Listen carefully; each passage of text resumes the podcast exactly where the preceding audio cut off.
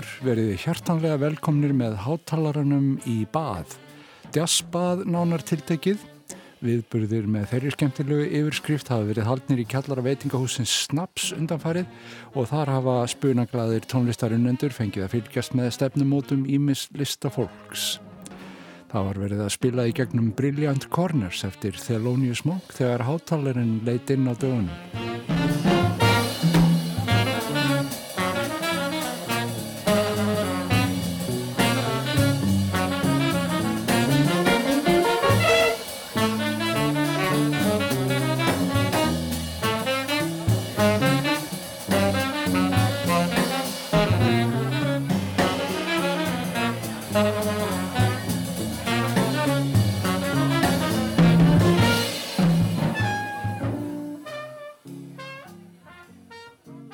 Ég er komið með góðan gest í, í hljóðver hátalarans hérna í kjallara Ríkisútarsins.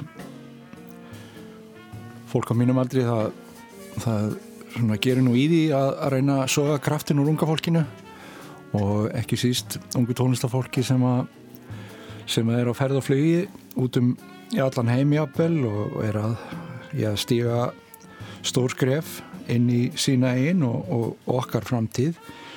Og eitt þeirra sem er í stuttu stoppi hér á haustmánuðum í Reykjavík er Sölvi Kolbensson saxofónleikari, velkomin í hátalarans Sölvi. Takk fyrir.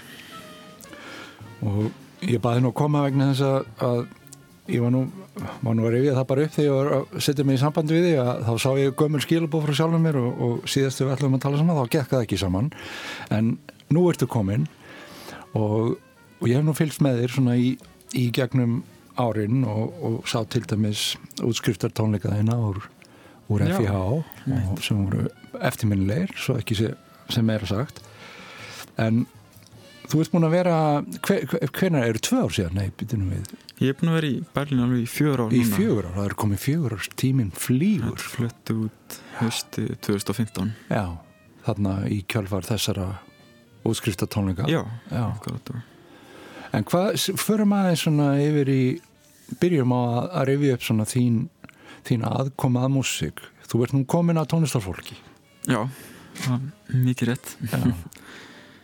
Pappiðinn, Kolbeitt Bjarnarsson og, og mammaðinn, Guðrún Óskarstóttir. akkurat Um, þau sko, eru svona á, á skemmtilega, skemmtilegu rófi nútíma og fornara tónlistar, má Já. segja.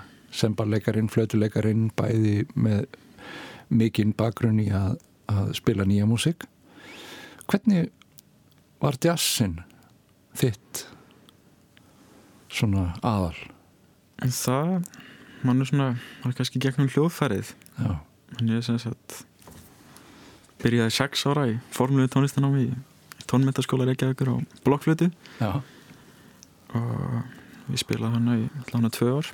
Og byrjaði síðan átt ára á, á allt og saxofón allt saxofón hjá Hafstinu Guðmundsinni og var síðan var ég bara í klassík alveg í sko uh, þang til ég var hvað 15-16 ára og uh, bæði við honum og síðan senna ég á Sigga. Sigga Flosa.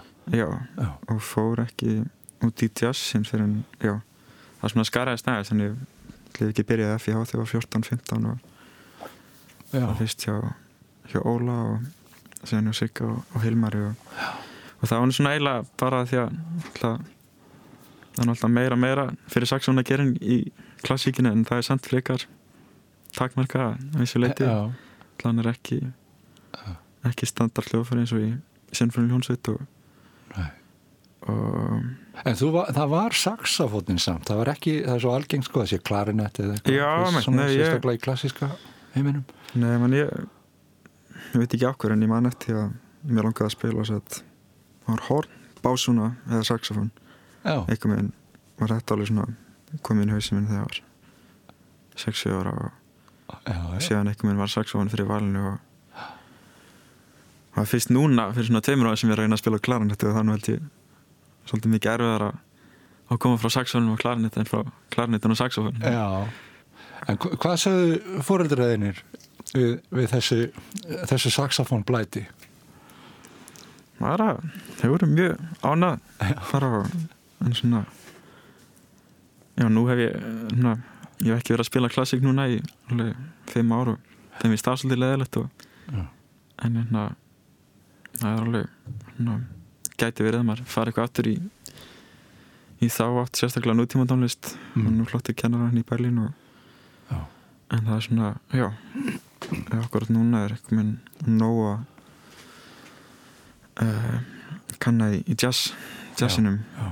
Eru þessi mörg óljósar í dag? Þetta var daldið sko sitt hvað? Það var svo allt öðru vísi, það var svo allt öðru vísi tónn einhvern veginn þegar þú ert að spila klassiska repertórið og, mm. og það talaði um að maður grínar um það að menn setji í mjúkablaðið og blaki vangjónum þegar þeir eru að spila og svona en, en sko, er, er, er þetta í sko nýri músík, eru, eru mörkin að vera eitthvað óljósari? Hvað var það sagt á honum? uh, ekki, ekki endilega sko kannski er svona, ef við tölum um experimental jazzin og svona framstöfni í klassíkinu þá er kannski svo tónlist að vera svolítið lík Mm. Uh, en svona hvað var að hljóðfæri þá er þetta eiginlega já, maður verður eiginlega að vera með tvö mismöndi setup. Já, já, sem er alltaf kannski gólíkt öðrum hljóðfærum, ég veit ekki. Eins og með með trompet eða eitthvað, ég veit ekki hvort það sé jafn skipt, þú veist, milli allavega með klaranett en þá er það ekki það er ekki beint hérna, klassísk klaranett og jazz klaranett en, en það er meira blöðun og munnstikkin og, og það er bara svona, já, skil grunn svolítið öðruvísi sound sem er að leita já. eftir og, og, og svona sem kallar á öðruvísi setup þannig að maður þarf eiginlega að vera með Mm. tvö í gangi Já.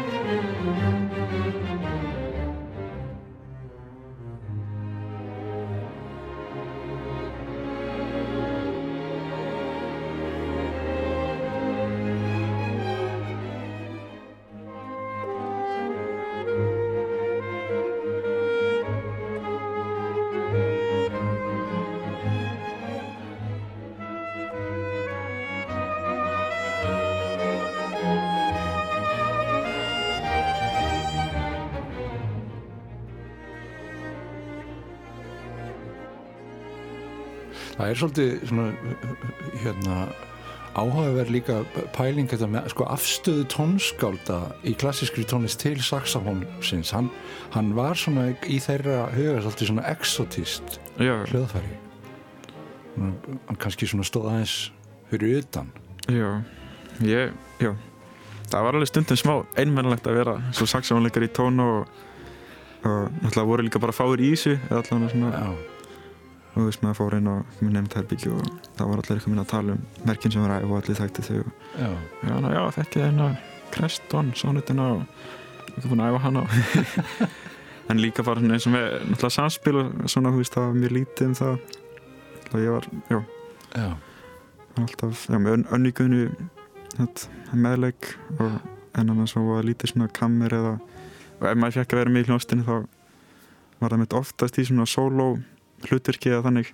Já, já, og oft mjög lítið, þá er kannski eitthvað langt verk, þú veist, og síðan er er eitthvað eitt saxón solo í einum kapla eins og í, Bolero Mhm. eða já, eða myndir á síningu Prokofiev, Rómeó og Júlía og, uh, akkurat. Já, og það er svona en það er, já allavega það er eitthvað með blöndununa sem er erfitt. Það er erfitt að krefjandi að blanda saxónum inn í sinflunjónsveit og mm. en, en þér tekst samt sko að einhvern veginn að halda svona tryggð við klassíska tónlist þetta lengi sko þrátt, þrátt fyrir hljóðfæri getur við sagt já, já. já, mér fannst þetta á, finnst mjög, var skemmtilegt og, Mm.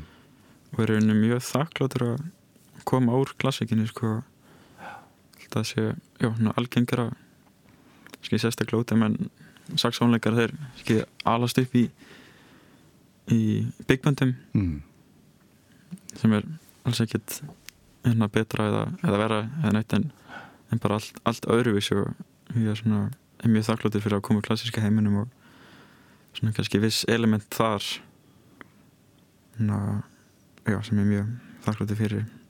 Já, svona sensi sensitivitet og, já, og hvernig mann mótar laglínur og, og þannig og sem er svona rosa þakkláttur fyrir að fara í gegnum þann skóla og það er svona, það er svona miklu sko, meira rými eða svona óljósara rými sem þú fyllir upp í þar heldur en í, í sko stórsveit eða, eða Já. dæsljónsveit það er svona svolítið skýrara hlutverk já, já, og náttúrulega fjórir já. stórsveit.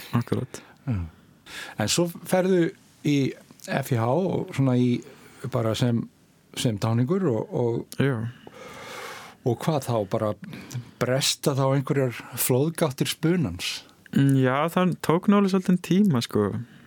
Það var ekki einhver með ekki ástuð fyrstu sín en það var svona ekki fyrir en ég fór að hlusta eitthvað veitir sem ég fór að hafa áhuga og því ég var þannig líka svona svolítið með hálfun, hálfun huga fyrstu árin var minn meira þá í klassíkinu og, og var í já, grunnskóla, myndaskóla og, og í, í frálsum íþróttum líka og þetta var svona eitthvað minn ég fór einu sinni í viku í saxofón tíma til Óla og ég en svona já, síðan eitthvað minn fór maður að hlusta meira og, og þá svona og já, var nú eiginlega með þessu samspili sem það vorum að tala um hérna á gauksæðurinn sem, sem var svona að hérna kynast þeim öllum. Já. Það, þú tala um Þorleik Gauk og Önnu Gretu Sigurðar og, já, Mikael Manna og og Birgir Steindi og svona Kristoffer Rodríguez og já, við lendum öll hana saman í samspili hjá Andrisi Þór Gunnlaugs. Mm, Ná. og og þau voru allavega bara ótrúlega góði mann hugsaði bara í fyrstu og ég verði að fara að æfa mig. Það var alveg svona sparki í, já, og en við vorum samt, já, þannig öll svona á svipum stað vorum öll til þrjá nýbyrjað fjá og, og það var svona kannski kemur þau sem áhugin kveiknaði og þá komið fólmar að spila meira með öðrum og uh, tjámuðu mikið og, og tala um hvað tónlist við vorum að hlusta og koma inn og Það er verið svona, tóldi, kannski, að maður segja óvinnilegt að, að gerist í svona skólasamspili að vera svona kemistri, að vera svona hljómsveitar kemistri. Já, mitt. Það, þetta var mjög sérstakur tími sko. Það var gaman, við lærðum allt eftir Eiranu og, og Andrés hann bara leið okkur að spila og sagði stundum eitthvað en annars bara og endaði þannig að við gerðum alveg slatta fyrir utan skólan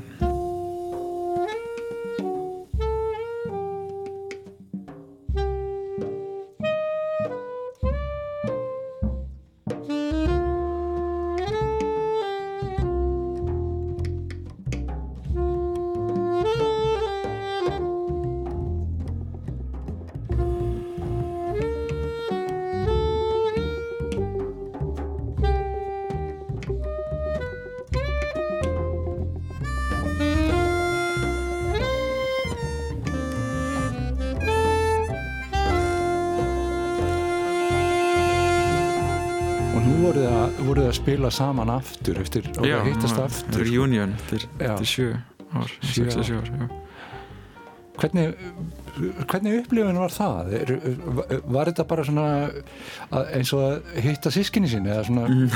hvernig, Það var mjög gaman sko og við náttúrulega vorum búin að gera rosa margt saman síðan þá en ekki alveg sex saman. Nei, uh, en já, að spila rosalega mikið með, já, með þeim öllum í rauninni í mismöndi samsendingum og þannig að þetta var svona já, ekki náttúrulega eins og við höfum sagt bæ og síðan hist aftur eftir sjö ára nei, nei, nei. en, en það var bara ótrúlega skemmtilegt og, og við tókum einhver gömu lög sem við tókum í samspilinu á Andresi og, Já, og síðan, já, sendi mikið fullt af nýju lögum, tölinguðum okkur og þannig að það var bara mjög gaman sko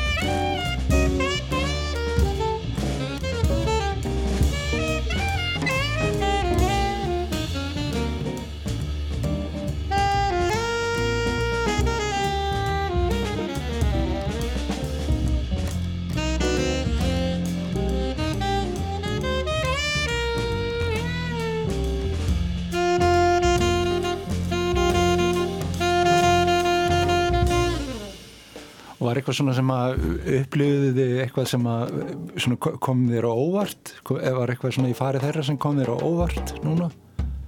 mm, náttúrulega allir búin að breytast mikið Já, og þróast og Já, eftir að líka mitt fóru margir í nám til mismandi landa já, Gaukur búin að vera í, já, í Boston og Mikki í Amsterdam, Anna í Stokkólmi og við byggi í Berlín og Kristófinu heima og, þannig að svona má segja að við höfum komið með þau áhrif Já, til, til já. baka sko já. en síðan var þetta líka bara eitthvað meginn eins og fyrir sjóðarum þannig maður heldur að sé búin að þróa svo rosalega mikið og breytast en, og það, höfum verið alltaf samt eitthvað sem fyrir sjóðarum. Já, það er gaman að þessu þannig að það getur, getur verið svona í spilunum svona reglulegt reunion hjá Já. Já, já, nein, það getur vel verið að við gerum, gerum eitthvað meira. Og En þú varst að segja á þann að, að, hefði svona, þetta hefði ekki alveg verið sko ástu fyrstu sín djassin og, og, og spuna leiðin og verið áunnið já, hjá þeir daldið sko en, en og þú talar um hlustun. Hva, hvað var það svona, var, var eitthvað var einhver einn höfundur eða einhver einn plata eða eitthvað, eitthvað ákveði sem hafi áhrif á þig já, sko það eru hérna sko, ég held að fyrsta jazzplata sem ég eignaðist var hérna sko, hún heitir Portrait með Ben Webster, ég held að þetta sé bara svona saman safna Já. sem hann er svona featured solisti með Duke Ellington bandinu mm. en eignaðist það annað bara því að var krakki og fannst hún alltaf mjög skemmtileg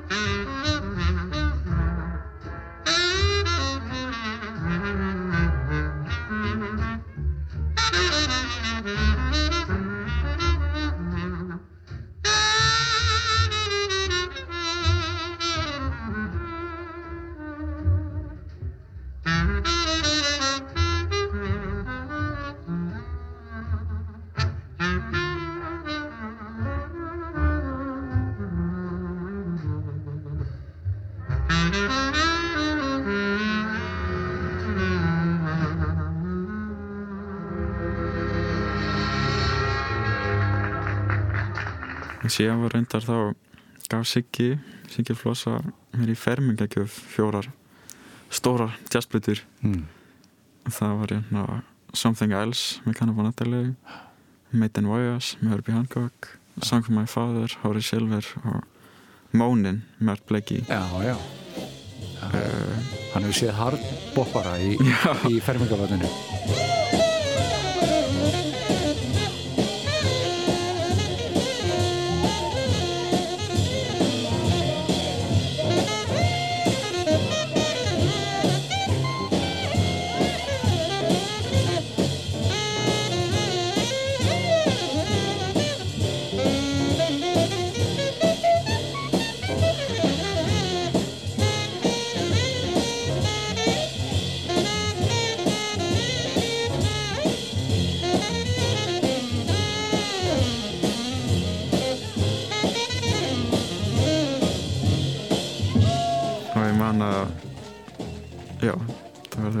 var þegar að fermast mér varst talið Made in Voyage hún hafði engri tengingu við hana þá hún hún var rosa skrítin og, og líka heila Adele, hann var líka í lof já, já. og crazy og svona þannig að þá svona ekki minn tengti ég betur við við Mónin og, og Father. Mér finnst það svona Mm, þannig að það var auð, auðveldara.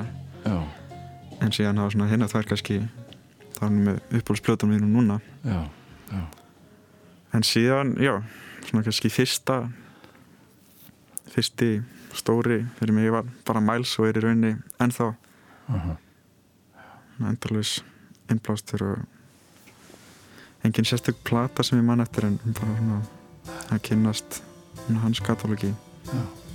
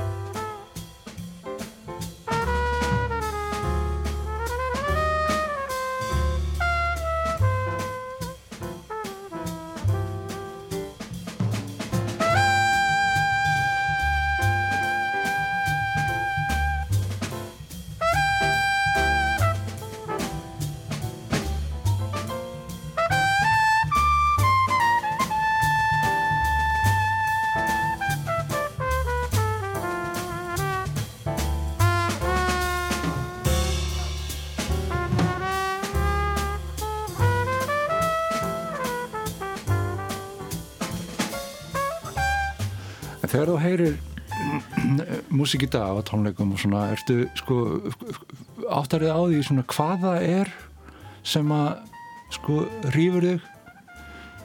Svona ferði með ákveðnar hugmyndir um hverju þú ert að leita eða ertu, ertu, ertu, ertu opinn svona hlustandi? Já, ég myndi nú, myndi nú segja það. Þannig að það sé ekki bara mikilvægt fyrir mig og þannig að og sem ég veist, já, fólk gefur sér alveg í það, það sem er að gera. Já, hvað sem það er. Já, hvað sem er, það setur og þetta er eitthvað já, honest og uh, þá finnst mér það oftast mjög gaman, hvað sem er. Mér finnst, já. Mér finnst, já, leðilegt að það er svona, maður sér að veit ekki það er ekkit mjög gaman að þetta skiptir ekkit svo miklu máli að að tónlist mér, mér rosalega kær og svona og já, veist að svona krefst mikla virðingar, virðingar að já, bara allt sem maður gerir í, í sambandi við hana og, og nei, það er svona eitthvað einhvers konar intensity sem ég finnst alltaf verða, vera til staðar og sem þarf ekki endilega að vera að spila hátt og mikið en, svona einhver orka og uh, já, þetta er svona uh, maður veldur þessu mikið fyrir sér sko, ég veldur þessu mikið fyrir mér að því að það, það, maður upplifir sko hjá fólki svo mismunandi viðbrögð.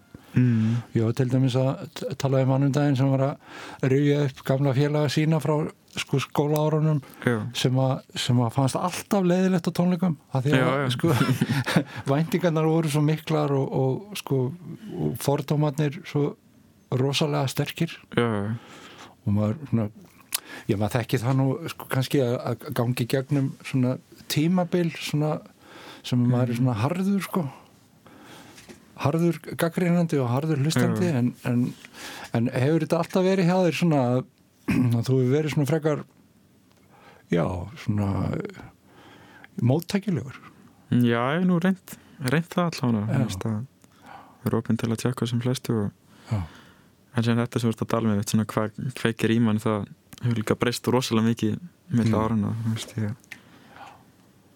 þegar ég var krakki þá hlustaði rosalega mikið á eins og M&M og það var bara uppáhalds tónlisti mín og, og síðan var það Metallica, Guns N' Roses, Led Zeppelin og, og síðan kannski fór það meira út í jazzin og og svona kannski sönd af því stöfi sem ég var starfi geggjað ekkert en get ég ekki að hlusta á núna.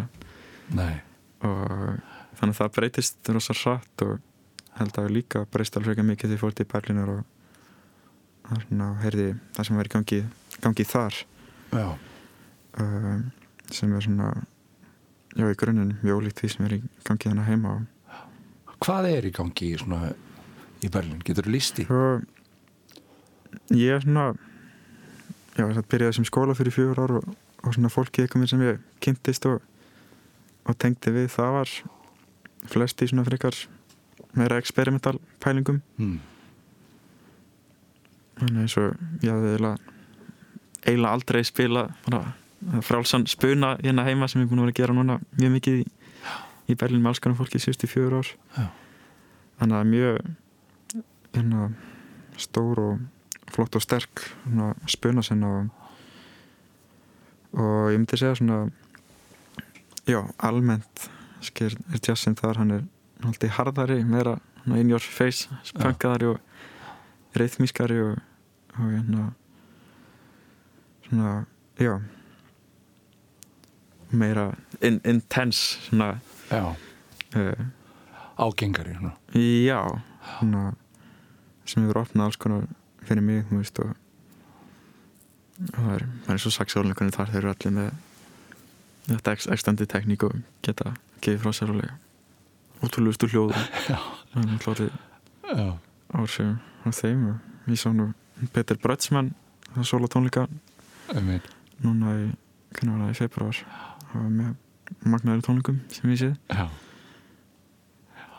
uh, já, það er glemir því enginn sem hefur séð Petur Brössmann já, gamla svona austurblokkin já, úr Berlin, hún er, hún er sterk var og er sterk í, Já. í tilhörna jazzinu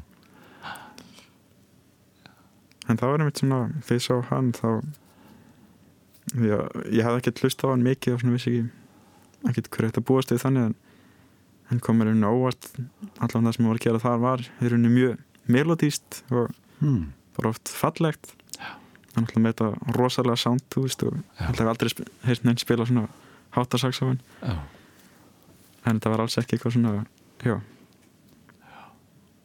Rauninni, já, mér varst það bara rauninni falleg tónlist hmm.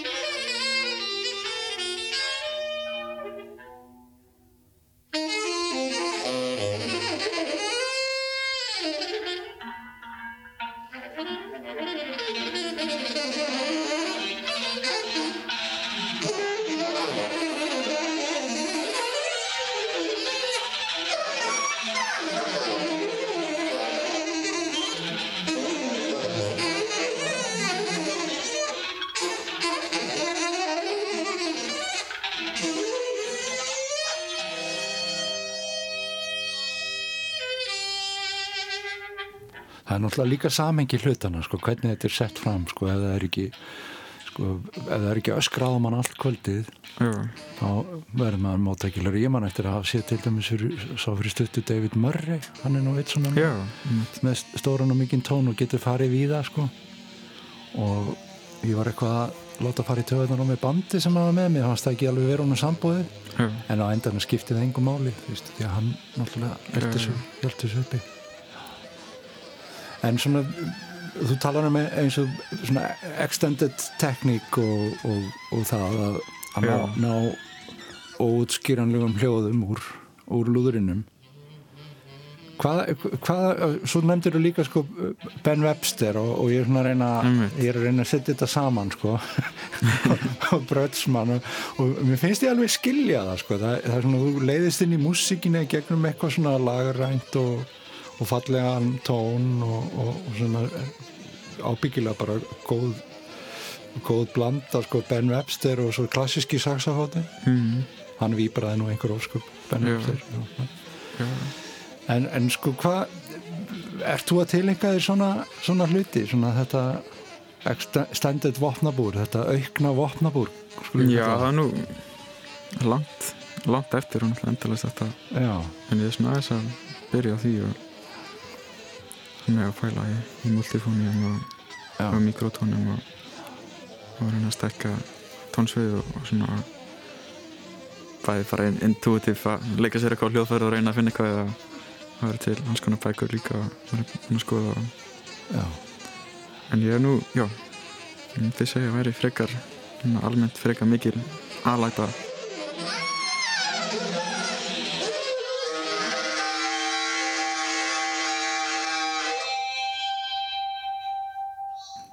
En svona þín, þín eigin músík sem þú ert að þú ert að búa til einhverju músík. Já, Hva, hverja sérðu svona sem ertu áttu þér einhverja fyrirmyndir í, í, í þeim geira svona í lagasmíðum eða svona konseptum þeir voru nú að spila, ég fór að heyra ykkur spilum daginn, þá voru þetta alltaf að spila mó já, mitt þannig að snaps uh, það var náttúrulega mest að spila bara standarda og, sem ég finnst mjög gaman að gera. Mm. Mjög, já. Uh, það voru svona, já, bara lög sem okkur finnst skemmtileg. Mm. en já, síðan sem sagt ég var að klára skóla núna í júli og þá var ég sett bara með nýja tónlist eftir mig. Mm. með tveimur gítarleikurum, passa og, og trommum. Uh, og þá var ég svona já, þá var svolítið svona nýtt. Ég hef verið svona heldur latur við að semja tónlist síðustu ár. Veist að tala um tónleikan í FIH og þá samt ég ykkur já, sem eitthvað minn ég hugsaði tilbaka að finna ég man ekki eftir að hafa verið neinn vinna maður eitthvað bara settist í píanu og, og það kom, kom út og eða svona nánastu þetta eitthvað en svona, hlumur sé ekki orðin harðari. Og komin meiri filter og. En síðan svona já í Berlin hef ég alltaf verið að semja eitthvað en ekki ekki svona markvist þannig að hvað það gálega svona hálft ár og reyna að semja nýja músík og svona finna út í já hvað hvað maður langaði að heyra. En er hérna sko þessi að þú komst líka með á jazzati fyrir nokkrum ára komstu með Berlínar já, kvartett sko. einmitt. og það var, það var líka mjög eftirminnilegt það var svona fyrir. ágengt stöf og uh, þau áttu það nú eitthvað í bland þeir sem voru með þér Já, og þú sjálfur. það var eftir okkur allar já. Og er eitthvað, var eitthvað framhald af því uh, bandi eða hvernig? Já, sko við höfum gert slatta núna. Ná, og við reynum lokatónleikanum mínum voru þetta band plus já, annar gítar. Aha, um, og ég er líka með tríó með þeim gítarleikar og trommaranum í, í Volkjörnabjörn sem er þetta band sem var tjásatíð og... Já. en nein, svona það það er svona hvað að segja? Mér er svona smá skipulags leysi í þeirri grúpi stundum er þetta að gera eitthvað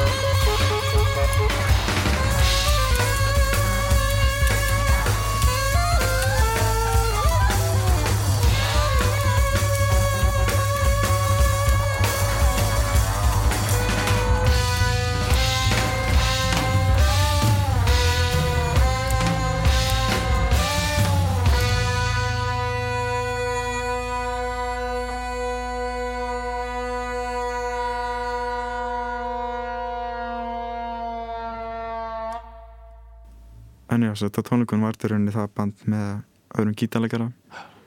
Þetta voru tveir, tveir gítarar og, og það var svona að reyna að finna út veit hvað ég var að heyra það sem kannski var í grunninn svona segja, upplifin mín á Belgin síðustu fjóru ára þeirri tónlist sem var að heyra þar. Já, uh, já, ég veit ekki hvernig maður var að lýsa þess þetta var alveg sumt. Frekar experimental þannig en, mm. En margt líka, veit ekki meira poppað eða ambient eða eitthvað. Já, svona undir áhrifum af, af því sem er bara að gerast í, í kringum þig. Já, ég held að ég er ótt að segja það. Það er svona kannski verið bara innblásturinn. Fólki sem ég hef kynst í og náttúrulega bara þetta band. Já. náttúrulega, já. Þetta er svona, þetta hljómar fyrir mér daldi sko eins og þú, þú ert að tala um að, að koma niður á blaða einhverjum hugmyndum sem sko setur þetta unit í gang, sem setur þá sem spila í gang. Já, Þetta er svona Mm. ein hliðin á því að búa til músík, sumir búa til músík sko sem að er svona endanleg í sjálfi sér, það er bara svona hér er þetta verk og það á að spila svona svo það hljómi á ákveðin hátt. En svo er þetta sem að, að ég er að lesa það þegar við tölum saman hérna að, að þú- ert svona að búa til kvatana að því að það gerist eitthvað. Já í, í rauninni sko og bara hugsa rosalega mikið um kom- spilara sem mitt eitt að skrifa fyrir band og svona, alveg frekar algengt tjásunum að maður mitt skrifur lög og síðan veginn eru þau spilum alls konar fólki. Já, en, en svona þannig að þá voru ég reyna að skrifa alveg fyrir þetta band og, og þetta eru spilar sem ég þekkir rosa vel og og alltaf líka hugsa bara að skrifa tónlist sem þeim myndu finna skemmtilegt að spila og, já, og njóta sín og, og en það var svona alltaf mismundi sem lögin voru alveg frekar svona ég, ég er enda að sagði við á fyrir tónleikana og alltaf að umganum að þið mætti gera hvað sem er, hvena sem er. En, en sögum lögin voru svona í, í grunninn meira alveg svona þannig næstu í allt skrifa út kannski einhverju sóluköflar meðan önnu voru meira Já. einhver mótíf og, og síðan voru frá sér innbrókaflar á, mi- á milli og, og svona meira svona koncept Já, það er kannski svona flóknast í þessu öllu saman er að þetta verði að verði úr þessu eitthvað þar sem að svona mörkin á milli þessara hluta þess svona fyrirfram komponerar og þess spunna að þau verði óljósari. Akkurat, og það er mjög krefjandi og að þeim þetta þeim er að semja músík að reyna að koma hérna að balansa þetta. Já, og, og líka að spila en það er mjög, mjög skemmtilegt þú veist eins og með þessu bandi sem með kvartinu sem við spilaðan sem mikið á hérna valkjörnubönn þá svona þegar við vorum búin að spila lögin mjög oft þá voru þau kannski mitt farin að hljóma þannig að það væri næst í bara spunnið það því við vorum farin að Mm. spila við það, það opinn og uh, og, mitt, og mér finnst það alltaf mjög spennandi ég fyrir á tónleik og, og maður eitthvað minn veit ekkert hvað er í gangi með ef maður veit ekkert hvað er skrifað og, og hvað er spunnið og eitthvað minn er bara sama og, og mér finnst það alveg svolítið heilandi bæling líka eitthvað minn það er eitthvað nótur en það er bara svona það gæti virkað svo stökkpallur. Mm. Þú veist, við erum að, við ætlum bara að spila og, og síðan eru hérna lög sem við getum hoppað inn í ef við viljum já, og spila hvernig sem við viljum. Þetta er náttúrulega koncept sem er orðið svona náttúrulega fullt af fólki eins og Vein Sorter kvartetinn þeir einmitt, einmitt. er í þessu og gera það mjög vel og síðan er svo frábært tríó því tríó Pablo Held tríó voru með erum með svipað þú veist og og mitt og eru bara með eitthvað repertóns og þeir held ég þú veist og og, og þá kunna allir bara alla partan í öllum og heyrum leið ef ykkur fyrir að vitni í hvað lag þú veist og, Já, og það getur orðið ef þetta er gert vel það þetta verið mjög flott já þetta, er, þetta er mjög spennandi sko og, og, og, maður er svona að því hún nefnir hann að Main Short er bandið sem að gerir þetta nú manna best kannski svona, að að, og það, það er svona á greiðari leið að því að maður þrátt fyrir þrátt fyrir að það sé mikil steipa innanum þá þekkir maður svo mikið að lögunum hans sko. Já. maður getur kannski ekki nefnt þau þannig hann hefur það forskot sko. já, en, ég, er að velta fyrir mig þegar þú lýsir þessu sko, að hvort að þú veist þetta nám eins og í Berlín er, hvernig er þetta þjálfað sko, eða er þetta þjálfað? Nei, raunin ekki. Nei. Svona í grunninn er, er skólinn mjög hefbundin Mm.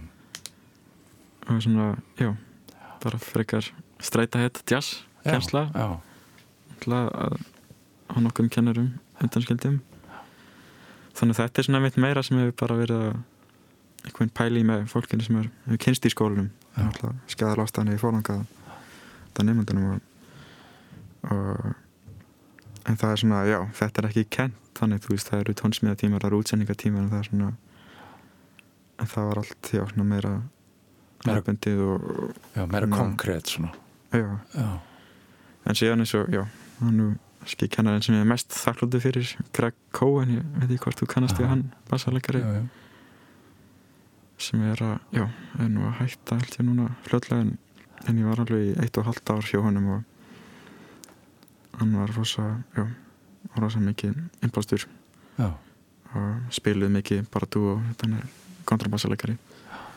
Bassalegari og, og töluð mikið um, um músík og, og hann var, já, svaka pælingar. Ég tók alla tíman upp og er með mitt notes bara á því tími sem ég geti unnið úr alltaf bara sem eftir er, ef ég vildi svona,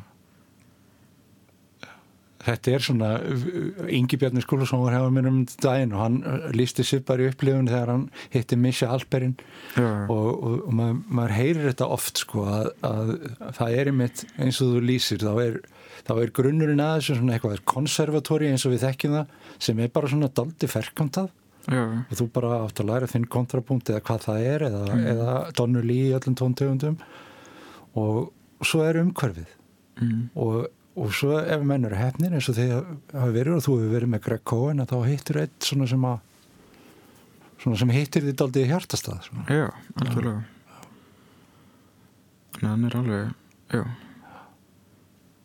alveg frábær og lána tókst það eftir hvern tíma var maður alveg bara komið ný, ný heimsmynd. Já, Já, þannig. Já, Og- það er nú sem ég hlakka til að gera núna hér laus úr, úr skóla og skólum Mm. þetta er, öll þessi að, laus og prísundinni. já, já, bara vondi að hafa sem mestan tíma til að með pæla og æfa mig og að semja og, og svona, já eins og ég held að það er svo rosa mikið input í þessum skólum og, og ekki sjensa að ná að vinna úr því bara með.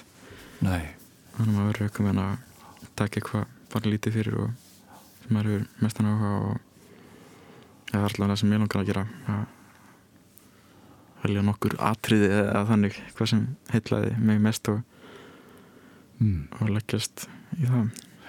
Og þú ætlar að vera um, semst í Berlín áfram? Já, sjá hvernig það verður. Já og ertu þá búin að ertu búin að slípa eitthvað þennan lista af þessum atriðin sem ætlar að byrja að vinna í? Nei, ekki þannig Nei. Það er já, skal að byrja að horfa yfir þessa notes frá Greg og já, Uh, nei, það er svona ég er búin að vera bara eitthvað svona út núna í sumar og þannig að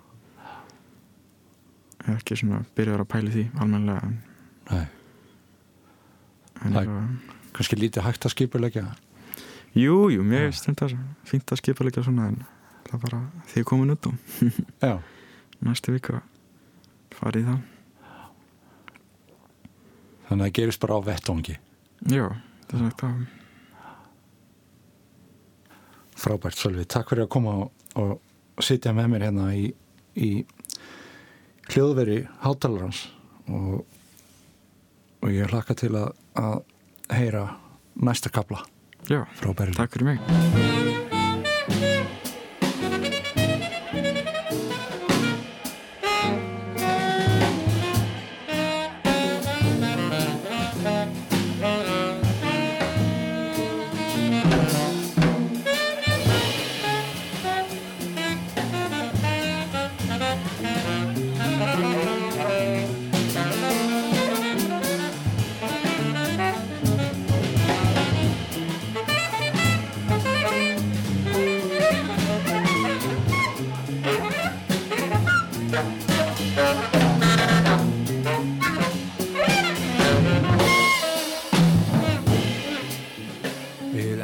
eins og við byrjuðum með gesti okkar Salva Kolbinsinni og félögum hans, Daniel Friðriki Böðvarsinni gítarleikara, Eiríki Óra Ólafsinni trompetleikara og Mattias Sima og Davísinni Hemstokk trommara en þeir spiluðu saman í gegnum alls konar tónlist í jazzbaði Snaps fyrir nokkrum dögum síðan.